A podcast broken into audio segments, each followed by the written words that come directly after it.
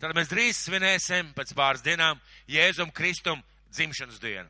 Mēs atcerēsimies to dienu notikumus, mēs lasīsim arī no Bībeles, kā tas bija, kā atnāca Jēzus, kā viņš piedzima, kas bija klāt šajos dzimšanas svētkos, kas liecināja, kas sludināja. Mēs zinām, ka tur bija eņģeļi, tur bija gani, tur bija Marija Jāzeps. Un mēs runāsim arī par to, ko tas mums pasaka. Ko tas mums 21. gadsimta cilvēkiem aizņemtiem, steidzīgiem, ļoti noslogotiem, tie pašā laikā cilvēkiem, kuri meklē Dievu, ko tas mums visiem pasaka. Un, protams, mēs dziedāsim arī dziesmas, kuras mēs dziedām tikai vienreiz gadā uz Ziemassvētkiem. Ir brīnišķīgi dziedāt kādas dziesmas, bet ir dziesmas, kuras dziedām vienreiz gadā un tikai uz Ziemassvētkiem. Gan jā, gan nē. Es reizēm dziedu Ziemassvētku dziesmas arī kaut kādu vasaras vidū, kā nu kuram sanāk bet kopā dievkalpojumu mēs dziedam varbūt vienreiz gadā. Un, ziniet, eh, lieldien, Ziemassvētki, tāpat kā lieldienas, ir kāda tāda īpaša notikumi kristīgajā ticībā, jeb ticībā Dievam, kur mēs atceramies tādas svarīgas, ļoti fundamentālas un svarīgas lietas. Un, kad mēs runājam par Ziemassvētkiem, tad mēs varam domāt arī par kādām savām dzimšanas dienām. Piemēram, kad mums ir kāda apaļa jubileja vai e, rada sanākšu kopā un tā ir kāda svarīga dzimšanas diena, ļoti bieži vien vecāki izvelk ārā vecās fotogrāfijas un rāda, rekāds tu biji maziņš. Rekur tur pliku dupsi guli uz, e, ziniet, tās parastās fotogrāfijas bērniem, jā. Ja? Mazs pliks bērniņš guļ un visi priecājās. Tajā laikā priecājās un pēc 40 gadiem joprojām priecājās, kad vecāki izlauza fotogrāfiju, joprojām priecājās un spriež, kam tu gan līdzīgs izskatījies, mammai vai tētim. Un tad, nu kā, nu kurš uzskata vēl tā kā deķīt uz savu pusi. Bet uh, mēs līdzīgi atcerēsimies arī uh, Jēzus Kristus dzimšanas dienu kā svētkus, kā notikumu, kas kaut ko izmainīja šajā pasaulē un kaut ko izmaina arī mūsu dzīvē.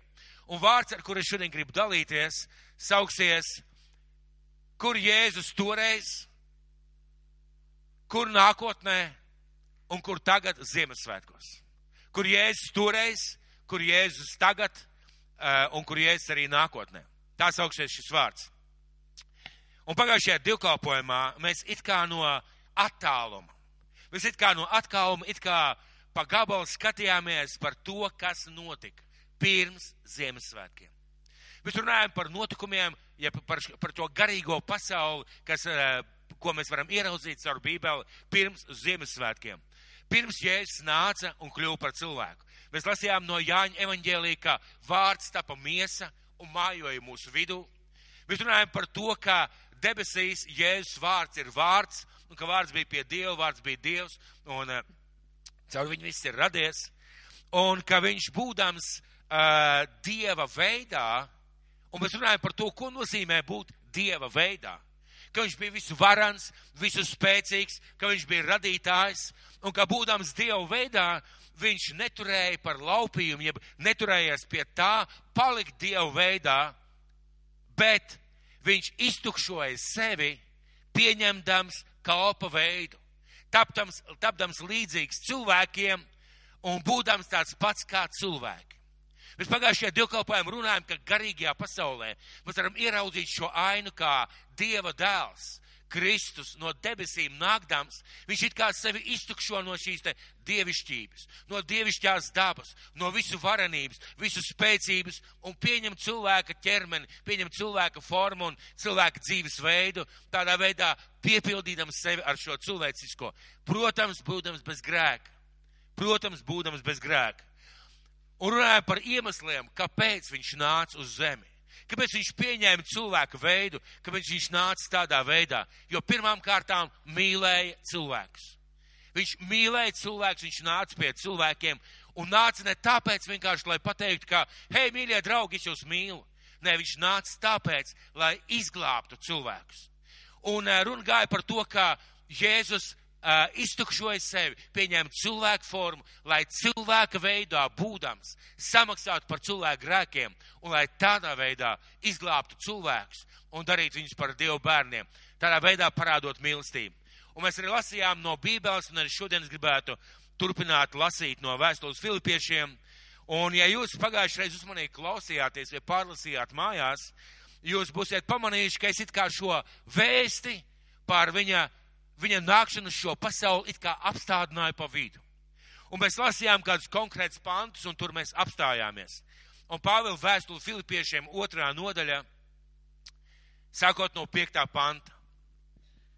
Savā starpā turiet tādu pati prātu, kāds ir arī Kristu Jēzu.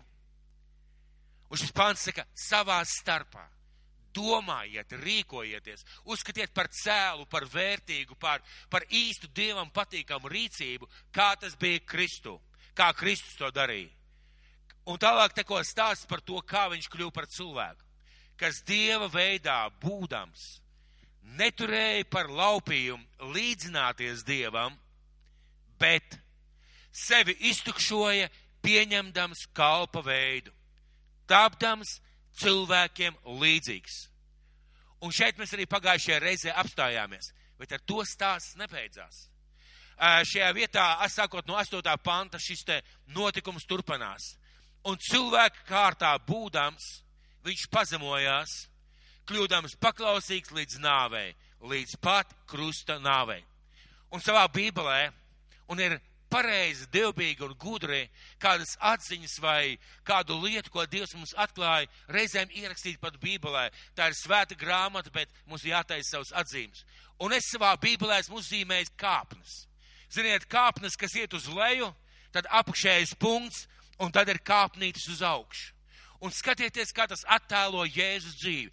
Dieva veidā būdams, Dieva veidā būdams, būdams Dievs, viņš nokāpa šīm kāpnēm zemes līmenī, jeb cilvēka formā, bet tajā vietā šīs kāpnes vēl neapstājās. Tajā vietā šis kāpnes turpinās, jo tālāk Bībele saka, un būdams cilvēka veidā, viņš pazemojās līdz nāvei. Viņš turpina iet uz leju savā pazemībā un vēlmē kalpot cilvēkiem. Un viņš runā pašā apakšējā punktā. Un kļūdams paklausīt līdz nāvei, līdz pat krustu, krustu nāvei. Tā ir pirmā daļa, par ko mēs runājām. Tur ir Ziemassvētku stāsts, viņš nāk uz šo zemi. Tur ir lieldienas stāsts, viņš pazemojas līdz krustu nāvei un uh, kļūst cilvēkiem līdzīgs, arī nomirst kā uh, cilvēciskā nāvei, tā varētu teikt. Tā ir pirmā, pirmā daļa. Bet vēl es šodien gribētu ieskatīties nedaudz pagātnē, šeit uz zemes. Jā, tā ir garīgā pasaule, par ko mēs tikko runājam, kas notika kā garīgajā pasaulē, debesīs un garīgajā pasaulē. Bet šeit uz zemes dzīvo tāds pravietis Iesai. Apmēram 500-600 gadus pirms Kristus piedzimšanas. Un uh, Jesaja kaut ko redz. Jesa ir pravietis, viņam ir attiecības ar Dievu, viņš dzird Dievu balsi, viņš saprot Dievu, un Dievs viņam kaut ko atklāja. Un lūk, uh, Jesajas grāmatas 9. nodaļā, 7. pantā. Jesai kaut ko redz, ko viņš pieraksta, ko mēs saprotam tikai šodien, pēc Ziemassvētkiem, pēc Kristus dzimšanas laika. Un lūk, ko viņš raksta. Viņš redz tādu ainu, jo mums ir piedzimis bērns, mums ir dots dēls. Viņa valdība guļ uz viņa kamiešiem, viņa vārds ir brīnišķais padomi devējs, varenais dievs, mūžīgais tēvs un miera lielskungs. Un šajā vietā, ja es rakstu, mums ir piedzimis bērns, mums ir dots dēls. Un iesēt kā iztaisa tādu drusku atšķirību starp bērnu un dēlu. Jā, mums ir piedzimis bērns caur jauno Mariju, bet tas nav vienkārši bērns. Tas ir dēls. Kā dēls? Dieva dēls. Jesē 500 vai 600 gadus uh, iepriekš redz tādu ainu, kā ienāk Kristus šajā pasaulē, un Dievs viņam dod šos vārdus, kas pēc tam tiek pierakstīti. Mums ir dots dēls, un kāds šis dēls ir? Valdība guļ uz viņa kamiešiem, viņa vārds ir brīnišķīgs padomi devējs, varenais Dievs, mūžīgais tēvs un miera lielskungs. Un ir ļoti interesanti ieraudzīt ļoti interesanti ieraudzīt, ka cilvēka veidā būdams, ja es staigā pa šo zemi, viņš ir izslāpis, viņš ir, viņš ir izsalcis, viņš ir noguris, viņam ir emocijas, viņš raud, viņš pārdzīvo, viņš priecājās, viņš cieš tāpat kā vispārējie cilvēki, kad viņš tiek pienaglots krustā, viņš tiek, cieš mežonīgas sāpes, un pie, pie krusta būdams viņš ļoti cilvēciski un tajā pašā laikā dievišķi lūdz tēvs piedod viņiem, jo viņi nezina, ko viņi dara. Bet kaut kas garīgajā pasaulē ir pār viņu. Un šajā garīgajā pasaulē, pat esot šeit uz zemes, ir rakstīts, valdība guļ uz viņa kamiešiem.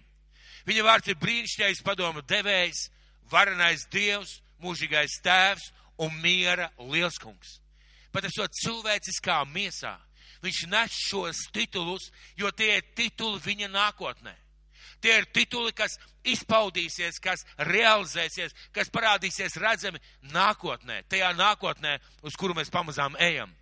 Un sastais pants - viņa valdība ies plašumā, un miers būs bez gala uz Dāvida troņa, viņa ķēniņa valstībā, viņam to nostiprinot un atbalstot ar tiesu un taisnību no šī laika mūžīgi. To darīs tā kunga Sebauta dedzīgums.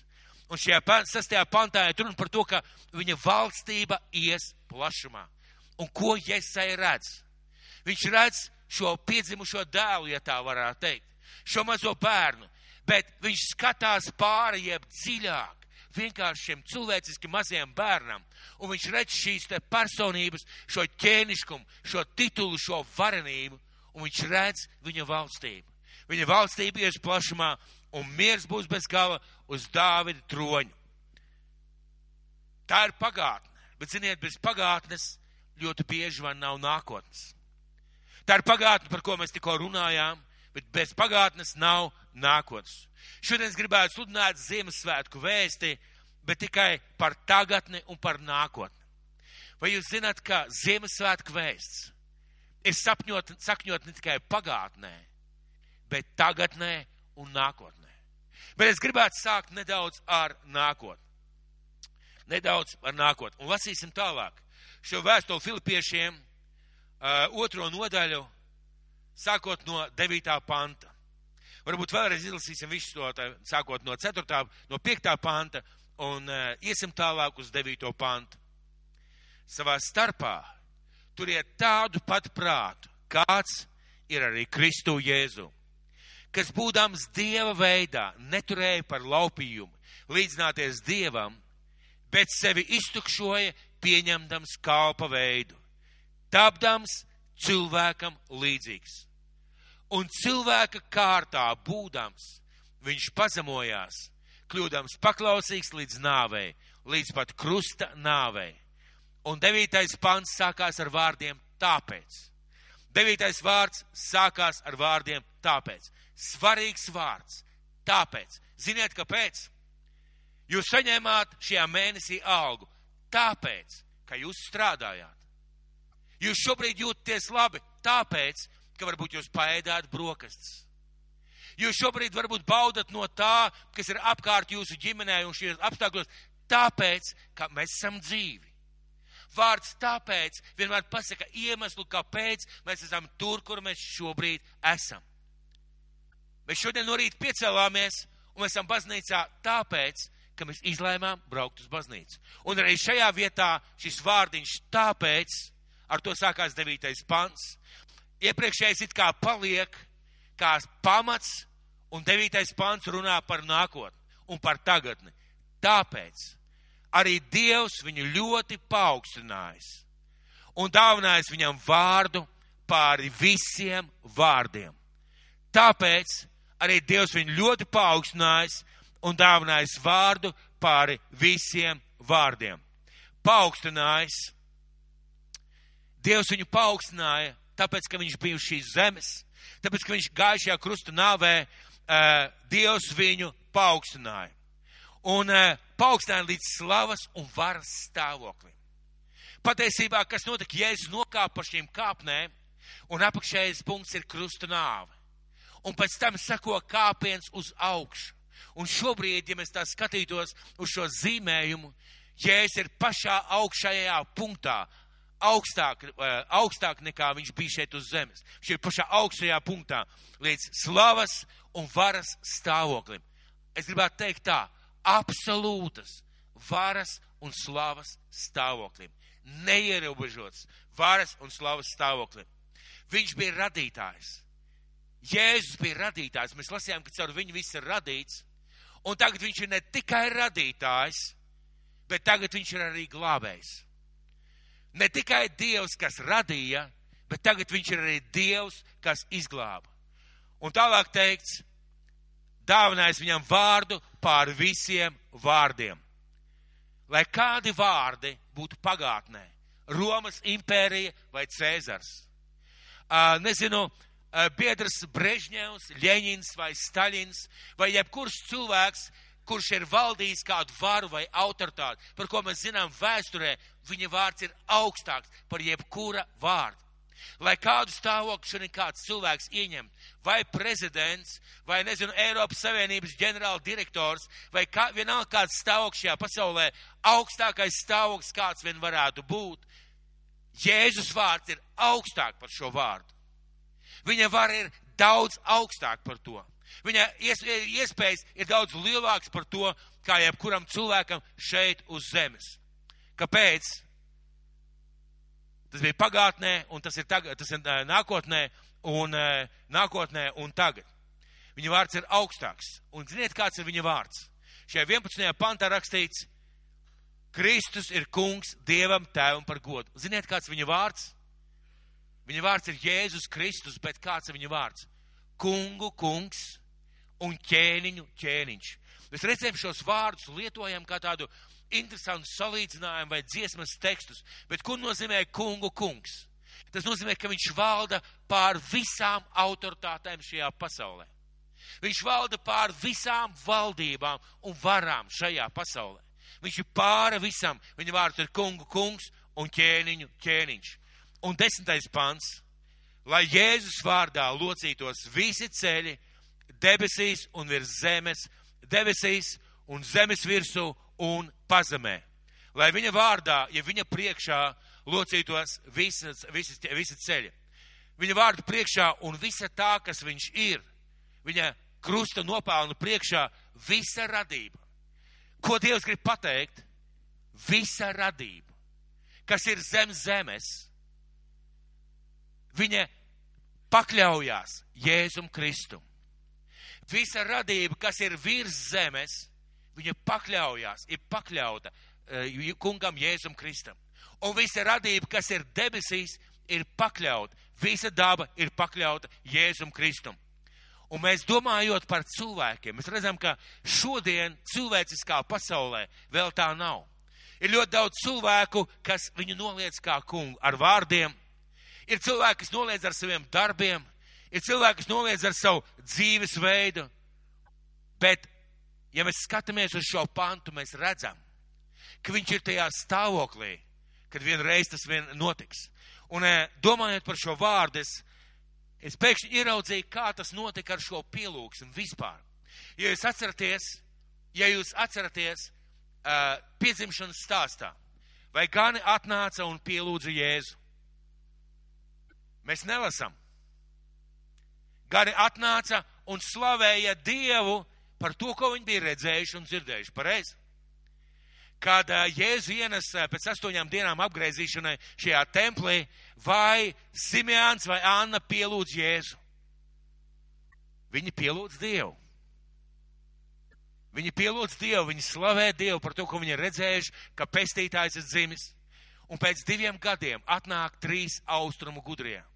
Un ļoti skaidri rakstīts, ka viņi saka ķēniņam Herodam, mēs atnācām jaunpiedzimušo ķēniņu pielūgt. Un trīs cilvēki no austrumiem atnāk, lai pielūgtu Jēzu. Rakstīts, viņi noliecās un pielūdza Dieva dēlu, pielūdza šo mazo bērniņu un atnesa viņam dāvanas. Tālāk mēs lasām, Jēzus jau kalpo. Un šīs kalpošanas laikā bija daudz cilvēku, kas viņu pielūdza pēc dziedināšanas atzina par Dievu dēlu pēc tiem brīnumiem, ko viņš darīja. Bija daudz cilvēku, kas to darīja. Jēzus Kristus ceļās augšā un rakstīts, viņš iet šajā istabā un tad viņi, šie 12 mācekļi, ja, nu, ja tajā laikā jau 11 mācekļi, pielūdz, viņi saka, mūsu kungs un mūsu dievs. Toms viens no viņiem, mans kungs un mans dievs. Tie ir 12 cilvēki. Pirms tam pārējie bija slavēšana, un mēs varētu tā izsekot interesanti cauri, dažādi varētu domāt un skatīt uz šīm lietām.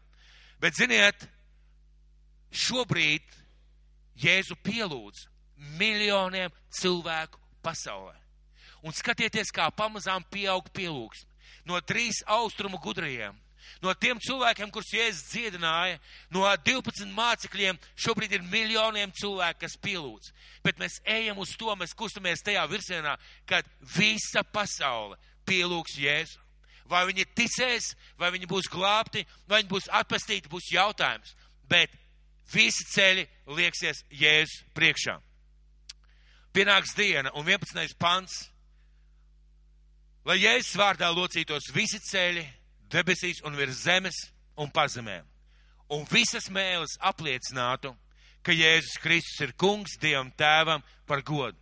Šai vietai runās par to, ka visas mēles apliecinās, ka Jēzus Kristus ir kungs Dievam tēvam par godu.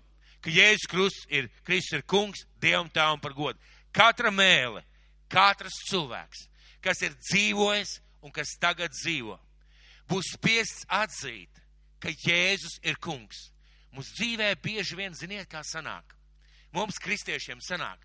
Jā, Jēzus ir mans kungs, bet man ir miljoniem domas par dažādām lietām savas. Jā, Jēzus ir mans kungs, bet es dzīvoju ar tādu sajūtu, ka viņš ir mans kungs, bet tā mana dzīve tā īsti varbūt pat neliecina. Nevar būt mana ziedošana, ne mana strādāšana, ne manas attiecības, Kaut kas neliecina, ka Jēzus ir mans kungs. Bet šajā vietā Bībele saka, ka pienāks diena. Pienāks diena, ka ik viens cilvēks nostāsies Dievu priekšā. Un katra mēle apliecinās, ka Jēzus ir kungs.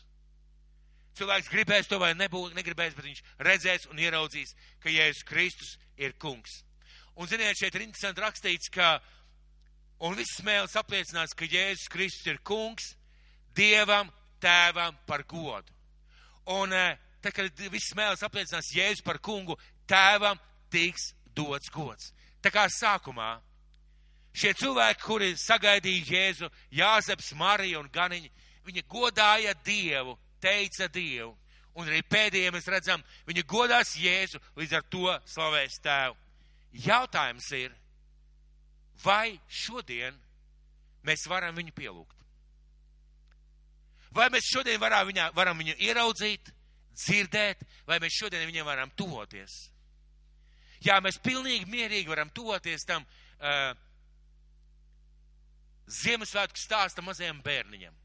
Tas mazais bērniņš tik mierīgi tur guļ silītē, kādas konfesijas un draudzes gatavo un taisa šo te ainiņu, zīmēt, taisa šo te jēriņus liek un, un jēz, jēziņu, jēzu silītē un ganiņus un jāzem Mariju.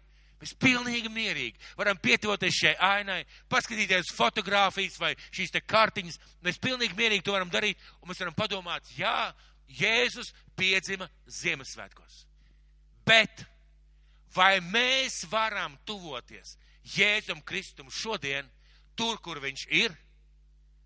Un kur tad viņš ir šodien? Kur tad viņš ir šodien? Un vēstuli ebrejiem, pirmā nodaļa no 1 līdz 4 pantam. Vēstuli ebrejiem, pirmā nodaļa no 1 līdz 4 pantam. Un šajā vēstulē svētais gars parāda, kurā vietā šobrīd ir Kristus. Pirmais pants Dievs vecos laikos daudzkārt un dažādi runājis caur praviešiem uz tēviem. Šīs pēdējās dienās uz mums ir runājis caur dēlu, ko viņš ir iecēlis par visu lietu mantinieku, caur ko viņš arī pasauli radījis. Tas būdams viņa godības atspūgs un būtības attēls, nesdams visas lietas ar savu spēcīgo vārdu, un izpildījis šķīstīšanu no grēkiem, lieldienas ir sēdies pie majestātes labās rokas, Ar to viņš kļuvis tik daudz varenāks par eņģeļiem, tik daudz, cik daudz pārāku par tiem viņš mantojas vārdu. Un redziet, šajos Ziemassvētkos, domājot par Ziemassvētku notikumu, mēs domājam par Jēzus piedzimšanu. Bet Jēzus šobrīd ir pie Dieva tēva labās rokas.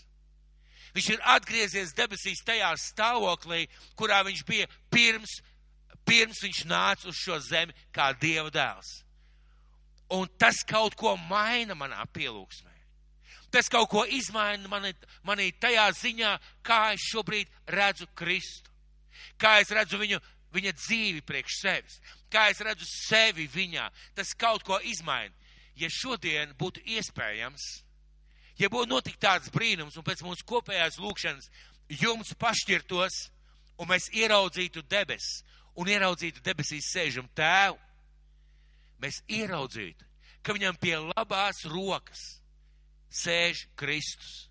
Es nezinu, kā tas ir praktiski.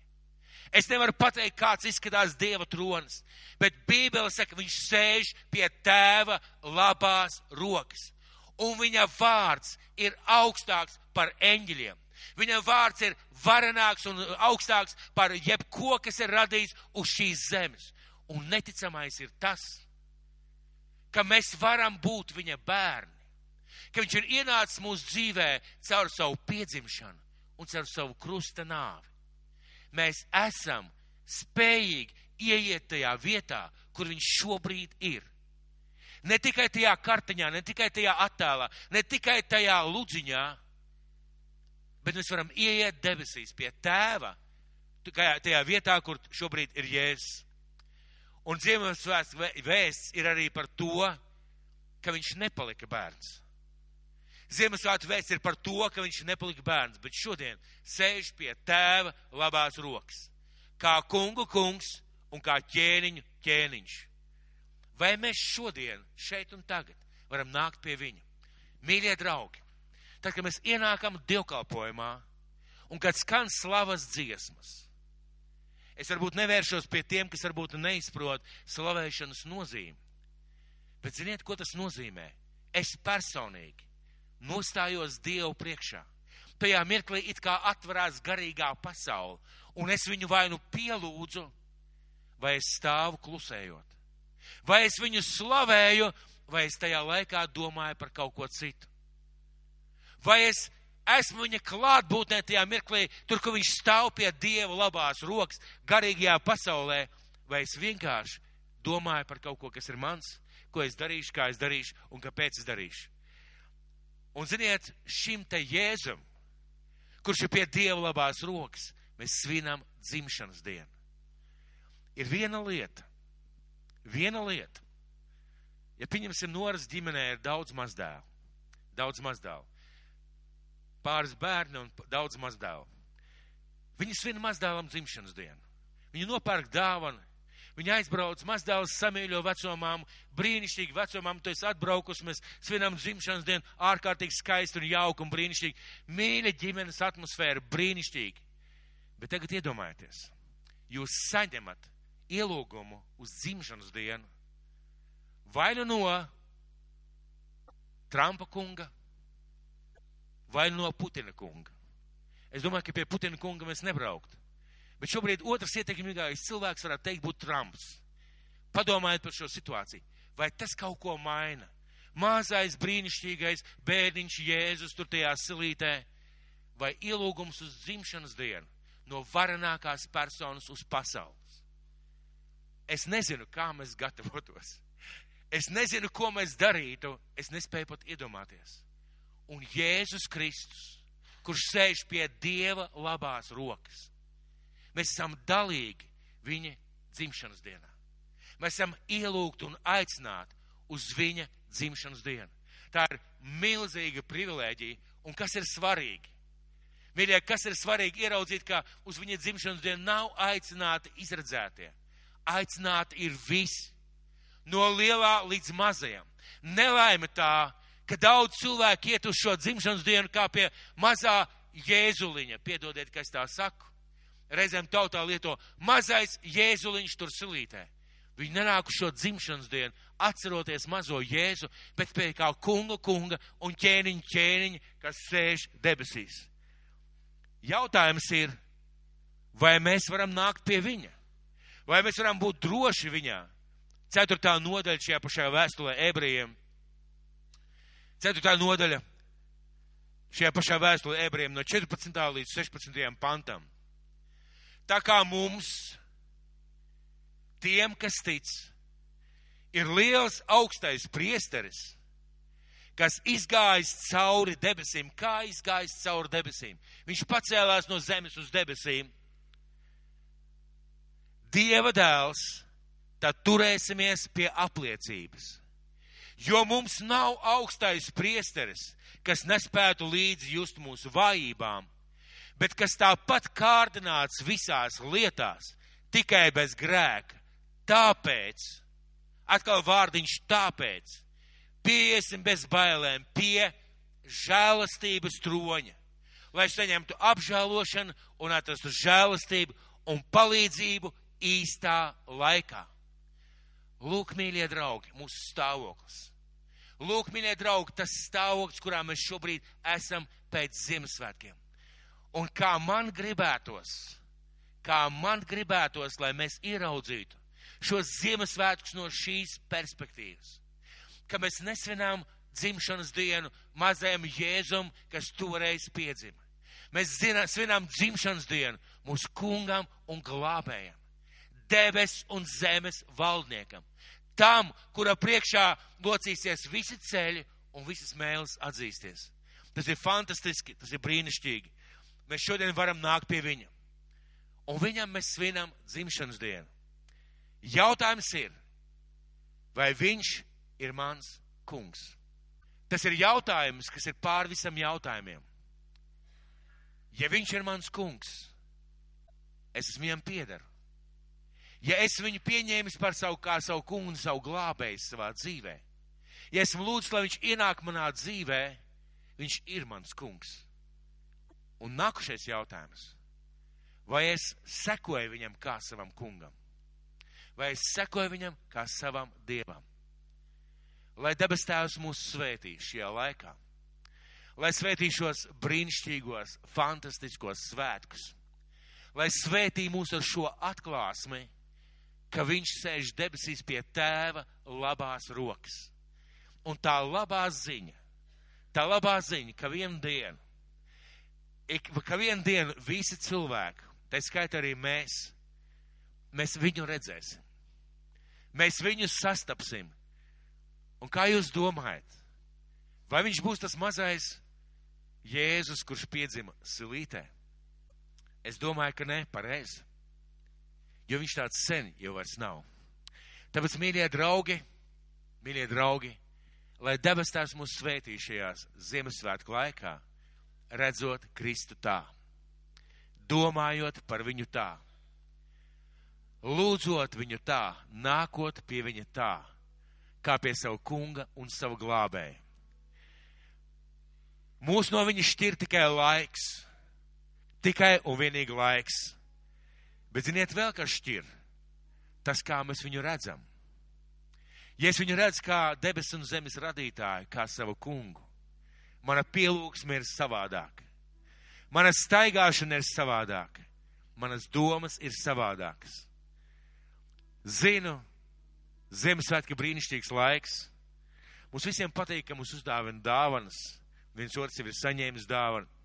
Mums visiem patīk, ka nāk tādas skaistas īziņas ar laimes vēlējumiem, svētību vēlējumiem, mierīgu laiku vēlējumiem. Mums visiem patīk. Bet es zinu, ka mūsu kungam ir dzimšanas diena. Un kas vislabākā dāvana ir priekš Jēzus? Mūsu sirds. Mūsu sirds, kas viņu mīl, mūsu sirds, kas viņam pieder, mūsu sirds, kas seko viņam, un mūsu sirds, kas svin šos svētkus. Lai Dievs mūs visus svētī šajā laikā. Atradīsim viņā mieru, atradīsim viņā prieku un priecāsimies par to, ka mēs viņam piederam.